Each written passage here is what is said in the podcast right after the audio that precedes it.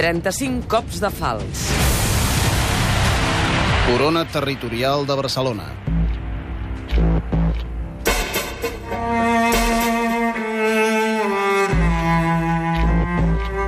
La ciutat tenia unes característiques, sobretot a nivell paisatgístic, molt diferents de les que té actualment. sinó Era una ciutat plena d'horta i de jardins que la diferenciava molt notablement de la ciutat actual.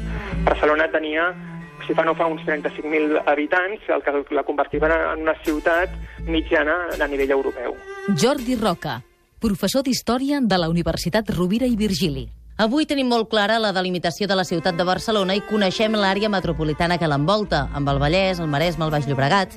Però a l'inici del segle XVIII, la idea de la ciutat anava molt més enllà de com la coneixem ara. Que la sensació de ciutat s'allargava gairebé des, de la, des del Penedès, passant per la Noia, el Bages, el Vallès i el Maresme. I això què vol dir a la pràctica? Què s'entén per aquesta extensió? Era un, una articulació del territori basada en la centralitat de la ciutat de Barcelona i amb la possibilitat que la ciutat d'oferir serveis a les restes de ciutats colindants.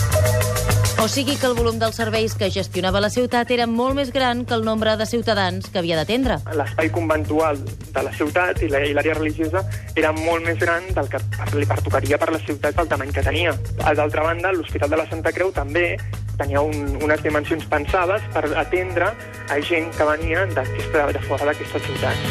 Els serveis que oferia Barcelona a la resta de ciutats, bàsicament, eren aquests tres. D'una banda, serveis de, de caràcter religiós, d'una altra banda, serveis de caràcter hospitalari, per atenció a malalts, i, per, i en tercer lloc, uns, uns serveis que oferien per als estudiants. Això feia que moltes vegades els estudiants que venien a Barcelona actuessin com a procuradors de les seves famílies quan estaven a Barcelona.